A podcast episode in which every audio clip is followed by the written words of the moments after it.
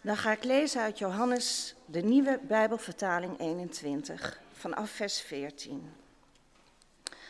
Na deze woorden keek ze om, Maria, en ze zei: um, De woorden zijn: Waarom hebben ze mijn Heer weggehaald? Ze keek om en ze zag Jezus staan. Maar ze wist niet dat het Jezus was. Waarom huil je? vroeg Jezus. Wie zoek je? Maria dacht dat het de tuinman was en zei: Als u hem hebt weggehaald, vertel me dan waar u hem hebt neergelegd, dan kan ik hem meenemen. Jezus zei tegen haar: Maria. Ze draaide zich om en zei: Rabuni. Dit Hebreeuwse woord betekent meester. Hou me niet vast, zei Jezus. Ik ben nog niet opgestegen naar de Vader. Ga naar mijn broeders en zeg tegen hen dat ik opstijg naar mijn Vader, die ook jullie Vader is, naar mijn God, die ook jullie God is. Maria van Magdala ging naar de leerlingen en zei tegen hen: Ik heb de Heer gezien. En ze vertelde alles wat hij tegen haar gezegd had. En dan nu vanaf vers 24. Een van de twaalf, Thomas, dat is Didymus, tweeling, was er niet bij toen Jezus kwam. Toen de andere leerlingen hem vertelden, wij hebben de Heer gezien, zei hij, alleen als ik de wonden van de spijkers in zijn handen zie en met mijn vingers kan voelen en als ik mijn hand in zijn zij kan leggen, zal ik geloven. Een week later waren de leerlingen weer bij elkaar en Thomas was er nu ook bij. Terwijl de deuren op slot zaten, kwam Jezus in hun midden staan. Vrede zij met jullie, zei hij. En daarna richtte hij zich tot Thomas. Leg je vingers hier en kijk naar mijn handen. En leg je hand in mijn zij. Wees niet langer ongelovig, maar geloof. Thomas antwoordde: Mijn Heer, mijn God. Jezus zei tegen hem: Omdat je me gezien hebt, geloof je. Gelukkig zijn zij die niet zien en toch geloven. Gemeente van de Heer Jezus. Heeft u het gehoord in de schriftlezing? De Heer Jezus zegt tegen Maria, Maria van Magdala, Maria Magdalena, op de vroege paasochtend. Raak mij niet aan, Maria. En een week later tegen de ongelovige Thomas. Kom hier, raak me wel aan. Voel de littekens van mijn kruisdood. En geloof dat ik het ben. Wat is verschil tussen die twee? Nou, Maria die wil de Heer in al haar liefde omhelzen, een knuffel geven. Hem in haar armen sluiten. En opvallend genoeg is ze daar alleen maar op zichzelf in betrokken. Hoe bedoel ik dat nou? Dat lees je in de Heilige Schrift. Ze heeft het in de uitingen van Maria's mond, die, die zijn opgeschreven door Johannes, ze heeft het alleen maar over zichzelf. Mijn Heer, ik weet niet waar ze hem gelaten hebben. Eh, zeg mij en ik zal hem wegnemen, zegt ze. Gesteld, gesteld dat Maria het lichaam van Jezus zou terugvinden, want ze had gezien dat het er niet was. En volgens haar idee had iemand zelf dat lichaam van Jezus weggenomen. Dan zou zij het opnieuw begraven. En dan op een plaats die zij zou kiezen. Een plaats die ze voortaan zou koesteren als haar persoonlijke geheim. Hield Maria van Magdala van de Heer? Nou zeker en vast. Ze hield van hem. Maar ze wordt afgeweerd. Raak mij niet aan, Maria. En Thomas, Thomas is net andersom. Thomas die weert zelf af. Thomas sluit zich af. Hij, hij ontvlucht zelfs de kring van de leerlingen van de Heer. Hij verzet zich tegen de uitroep van de andere leerlingen als die tegen hem zeggen: Thomas, we hebben de Heer gezien. Nee, hij laat zich niet zo makkelijk overtuigen, Thomas. Hij wil bewijzen zien. En Thomas de twijfelaar, de criticus, de ongelovige Thomas, hij moet Jezus nu wel aanraken. Maria van Magdala, Migdal heette haar plaatsje waar ze vandaan komt, dat betekent toren. Ja, zij hoorde bij de vrouwen die de Heer Jezus volgden. Ik weet niet of u dat wel eens gelezen hebt, maar vooral Lucas schrijft daarover. Van stad tot stad en van dorp tot dorp trok de Heer Jezus door het heilige land. En volgden een aantal vrouwen hem, onder andere Susanna en, een aantal Maria's. Mirjam heette ze natuurlijk hè, in het Hebreeuws. Mirjam van Migdal. Ze wordt samen genoemd met Johanna, die de vrouw was van de zekere Goezas. En die leefde aan het hof van koning Herodes. En ook een zekere Susanna wordt genoemd. En uit een kleine aantekening van Lucas weten we dat deze en nog andere vrouwen geldelijke middelen hebben aangevoerd om de Heer Jezus en de twaalf leerlingen te onderhouden, van leeftocht te voorzien. Het waren niet onbemiddelde vrouwen. Want wie de Bijbel goed leest, die weet dat de Heer Jezus, onze heiland, tijdens zijn rondreis door het heilige land, door Perea en Judea, aan niemand vroeg, wil je me eerst betalen en dan zal ik je genezen. Jezus gaf de genezing die hij mocht geven gratis.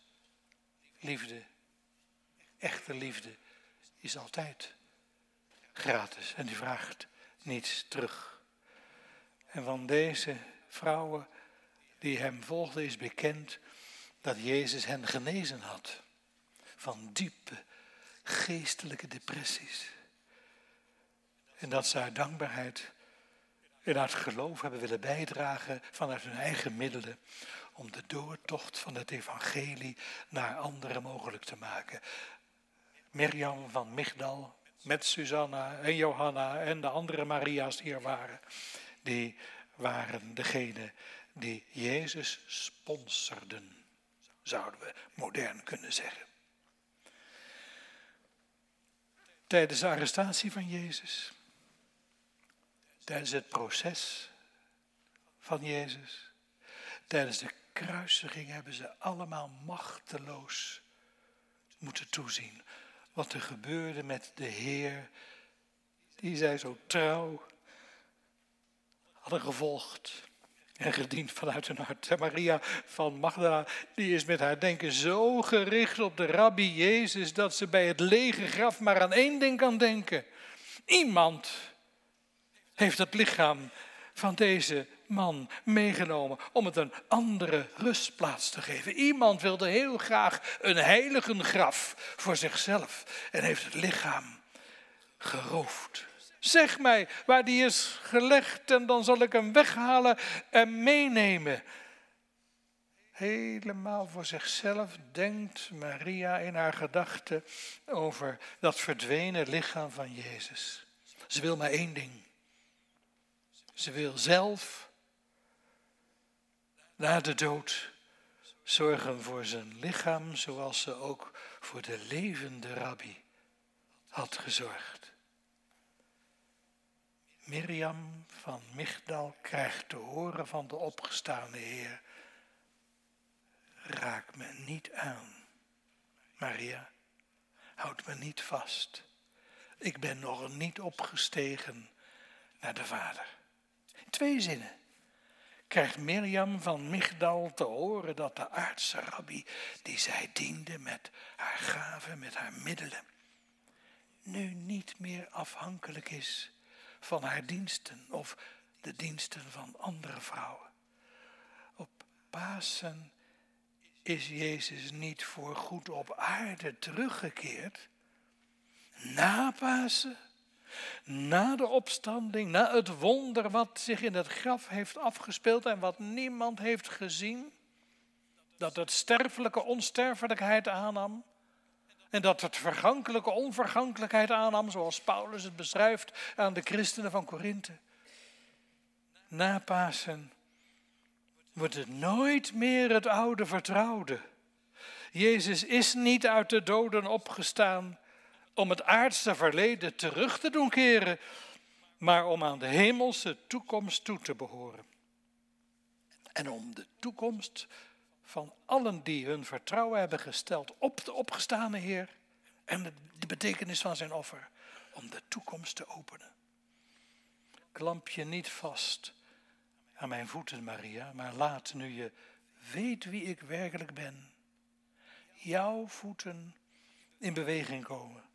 Over de opgestane Heer zul je niet meer beschikken. Voor Hem hoef je ook niet meer te zorgen. In de verheerlijkte staat van zijn opstandingslichaam is de Heer niet meer iemand die van mensen afhankelijk is. De zorg van Maria is nu op een andere manier nodig. De opgestane moet gepredikt worden. Ga naar mijn broeders en zusters, zegt Jezus, en zeg hen.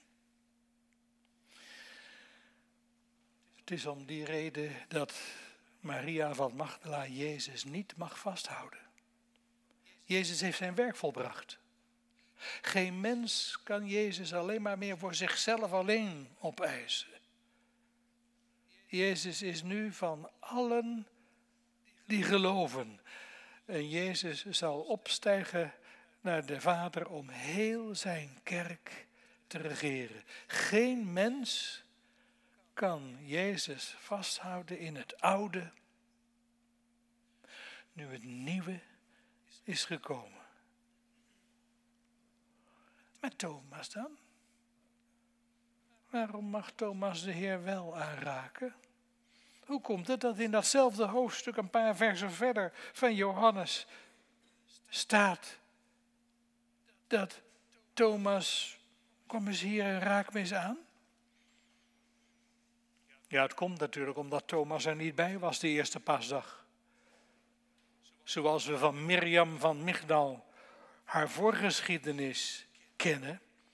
We weten van deze Maria Magdalena veel meer dan haar tranen op die eerste pasdag. Zo weten we ook van Thomas veel meer. Ja. Wij weten bijvoorbeeld, dat wordt beschreven in de Heilige Schrift. Wij weten dat zijn reactie was toen de Heer Jezus zei dat hij Lazarus uit de dood ging opwekken. Dat Thomas de enige is van de twaalf discipelen die daar een opmerking over maakt. Dan zegt Thomas niet, Heer, is het werkelijk waar? Gaat u, gaat u Lazarus uit de dood opwekken? Want Jezus had gezegd, ik zal het gaan doen, zodat jullie kunnen geloven. Nee, dan zegt Thomas heel schamper. Oh, laten we dan ook maar gaan sterven. Met andere woorden, op de belofte dat ze werkelijk een reden krijgen om te geloven, reageert Thomas met het tegenovergestelde. Het tegenovergestelde van wat Jezus wil geven. Jezus wil ons geloof geven, maar Thomas reageert met ongeloof. Daarom wordt hij ook nog steeds in de wandeling de ongelovige Thomas genoemd. Thomas ziet de reis naar Judea, naar de overleden, overleden Lazarus, als een doodlopende weg. En hij, je moet die opmerking zo, straks liggen we naast Lazarus in het graf. En dan het heilige avondmaal, als de heiland heeft gezegd, ik ga in het huis van mijn vader een plaats voor jullie gereed maken. Opdat jullie ook mogen zijn waarin ik ga. Dat is wat. Jezus, de Zoon van God, belooft aan zijn vrienden, aan zijn leerlingen. Jullie krijgen een plaatsje in het vaderhuis. In het huis mijns vaders zijn vele woningen. Ik ga heen om u een plaats te bereiden. Wat een belofte. En wie is het dan die zegt, ja, maar we weten helemaal niet waar u heen gaat? Dat is Thomas. Heer, we weten helemaal niet waar u heen gaat. En dus weten we ook de weg niet er naartoe. Nou, dat zijn niet de meest opbeurende uitspraken van Thomas. En, en we weten dus dat Thomas die had een heel ander karakter dan Maria. Hij vond het maar moeilijk om Jezus te volgen. En hij kon Jezus maar moeilijk volgen. Hij was in feite het tegenoverbeeld van Maria, van Miriam. Maria volgde Jezus overal. Letterlijk, volledig toegewijd. Jezus volgen was haar zaak. Niet op grond van een verstandelijke beredenering, maar op grond van ervaring. Maria was door Jezus aangeraakt en genezen van haar depressie, van haar boze geesten. En haar leven zou voortaan voor hem zijn. Wat mensen ook zeiden. Ze was van hart en ziel op Jezus betrokken. Met Thomas, heel typisch, keer op keer weigert Thomas zijn verstand uit te schakelen. Hij wil alles beredeneren.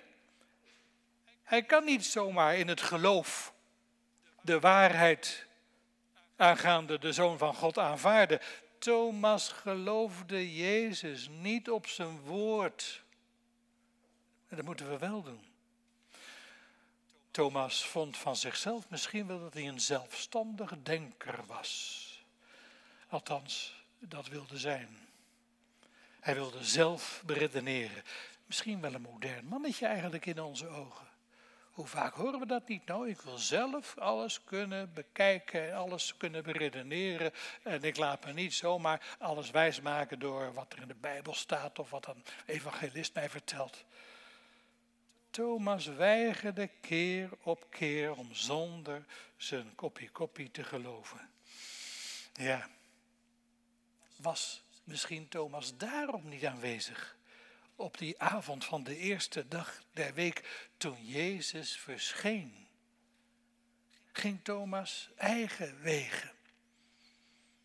Nou, het is dus niet heel vreemd dat Thomas in de dagen na Pasen wordt geciteerd met een anti-geloofsbeleidenis. Een ongeloofsbeleidenis. Ik geloof alleen wat ik zie, wat ik voel, wat mijn zintuigen kunnen ervaren. Oeh, wat een modern mannetje eigenlijk. Ik ging laatst naar de kapper. En we kregen het over het geloof. En toen zei de kapster, aardige vrouw. Ja, zegt ze, ik geloof helemaal nergens meer in. Ik geloof alleen in mezelf. Dat zei ze. Ik probeerde daar natuurlijk wat op in te gaan. Maar ja, moet een klein beetje voorzichtig zijn in een kapperszaak. Maar dat zei Thomas ook. Ik geloof alleen in mezelf. Wat mijn handen kunnen voelen en wat mijn ogen kunnen zien. Ik geloof wat mijn zintuigen ervaren. Ja. In alle tijden zijn ze er natuurlijk geweest, deze Thomas-figuren. Die zeiden dat alleen de menselijke reden bepaalt wat waar is en wat niet waar is. Ja, het geschapen menselijk verstand ons verstand is geschapen door God, door onze schepper. Dat wordt door deze mensen op de troon gezet. Geloven is mooi, zeggen ze. Maar wonderen bestaan niet. En God ook niet.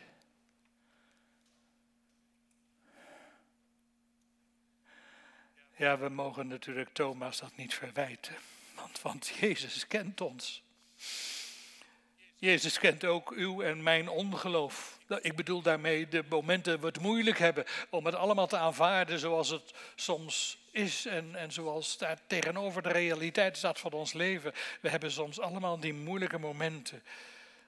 En dan zegt Jezus, Thomas, jij gelooft nu omdat je hebt gezien. Maar gelukkig de mensen die niet zien, die niet kunnen tasten met hun handen, die niet kunnen constateren met hun zintuigen dat het wonderbaar is, maar die toch zullen geloven. Thomas, die had dat nodig. En toen pas geloofde die. Maar Jezus zegent ons. Hij zegent ons met deze uitspraak. ik zeg het altijd maar zo tegen iedereen die het wil horen. Als je niet ontroerd wordt door de boodschap dat Gods zoon is opgestaan uit de doden om de toekomst van het nieuwe Jeruzalem voor ons open te doen. Om die deur wagenwijd open te zetten, waardoor het licht komt stromen. Als je daardoor niet ontroerd wordt. U weet toch wel wat ontroering is, hoop ik? Dat je, dat je een brok in je keel krijgt. Dat je, dat je even niet kan praten, even niet kan zingen. En dat je even denkt, hoe kan het dat ik in het wonder van God ben bedoeld? Hoe kan het dat ik, dat ik de heiland die de dood heeft overwonnen, mijn Heer en heiland mag noemen? Ja, dat is ontroering. En Jezus zegt, gelukkig zijn de mensen die misschien zelfs wel in het jaar 2023 zullen ontroerd zijn bij de boodschap van de Zoon van God die ons lief heeft. Jezus houdt van ons, ook als we zondaar zijn. Ja. Ja, die mensen zijn wij bijvoorbeeld. Niet als Thomas zie ik op uw wonden neer en kan ik ze aanraken. Maar toch beleid ik u, o Jezus, als God en Heer. Dat doen wij bijvoorbeeld in de kerk met die betekenisvolle maaltijd, het heilige avondmaal in brood en wijn. Let erop, gemeenteleden, dat Jezus vraagt hem te gedenken en ons geloof in hem levend te houden door die tekenen van zijn wonden. Brood en wijn, lichaam en levenssap, de gekruisigde Heer die dat gegeven heeft voor ons, is de opgestane. Thomas moet in het wonder geloven. Thomas mag in het wonder geloven. En alleen dat wonder moet de wereld over. Onder andere door Thomas. Ook Thomas' voeten. En wat belangrijker is, zijn verstand. Die moeten in beweging komen. In dienst staan het wonder. Maria, die moet iets leren. Ze moet leren, Jezus is wel van mij, maar hij is oneindig veel meer van God. Jezus is geen aardse geroepene met buitengewone genezingsgaven die afhankelijk is van mijn zorg. Hij is van allen die hem beleiden. Niemand mag Jezus voor zichzelf houden. Thomas moet ook wat leren. Thomas moet leren, Jezus is groter dan mijn geschapen verstand. Maar hij komt ons ongeloof tegemoet met de eenvoud van zijn wonden. Mijn beperkte reden, mijn geschapen gedachten, dat is allemaal niet groot genoeg om Jezus te verklaren. Maar zijn kennis van mij, hoe Jezus mij kent, in mijn ups en mijn downs, in mijn omstandigheid soms, in mijn sceptisch, in mijn eigen wijsheid. Die is wezenlijk. Maria, altijd ijverig, die krijgt horen, blijf van me af. Ik ben niet in te kapselen in jouw verwachtingen. Ik ben de hemelse Heer. En Thomas, altijd aan het theoretiseren, krijgt horen, raak me aan. Word overtuigd van het concrete van Gods werkelijkheid. En wij, gemeente van de Witte Kerk, heiligen in deze plaats, geheiligden door Jezus. Lijken we misschien op Maria of misschien op Thomas?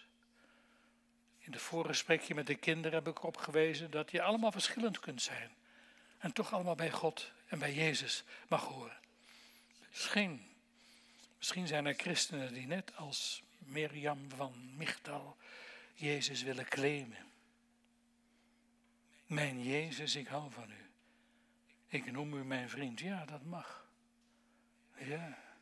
Maar misschien zijn er ook christenen, net als Thomas, die hem pas toelaten als ze er met hun verstand zelf aan toe zijn. En de strijd met de reden opgeven om de kennis van het hart te laten winnen. En misschien zijn er heel veel christenen die geloven tussen Maria en Thomas in. En wat zegt nou de Heilige Schrift? Dat Jezus voor elk van ons een antwoord kan hebben. dat Jezus ons, wanneer Hij ons wil inschakelen in het wonder van het Evangelie, elk een ander, elk een verschillend, elk een ogenschijnlijk tegengesteld antwoord kan geven. Raak me niet aan, raak me wel aan, maar elk antwoord dat Jezus ons geeft, kan maar in één perspectief staan en dat is de boodschap van Pasen. De gekruisigde Heer leeft. Jezus is niet alleen zomaar als staatsgevaarlijk individu, althans, zo wilde men hem veroordelen, maar als martelaar is hij gestorven. De kruisdood was de marteldood. En deze Heer leeft. Wie een christen is van Pasen krijgt te horen dat het oude is voorbijgegaan en het nieuwe is gekomen. Dat is de sleutel tot het verstaan van die vreemde, ogenschijnlijke tegenstelling in dat ene stukje van Johannes. Maria en Thomas moesten alle twee nieuwe mensen worden. Pasen maakt van ons een nieuw mens. Paasevangelie vraagt ons, nee, geeft ons de opdracht. Vernieuw je denken. Beleid van harte het wonder.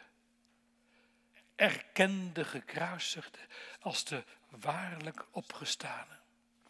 Doe je oude kleren weg en trek de nieuwe kleding van Christus aan. En dan kom je tot de beleidenis van het kompas na Pasen.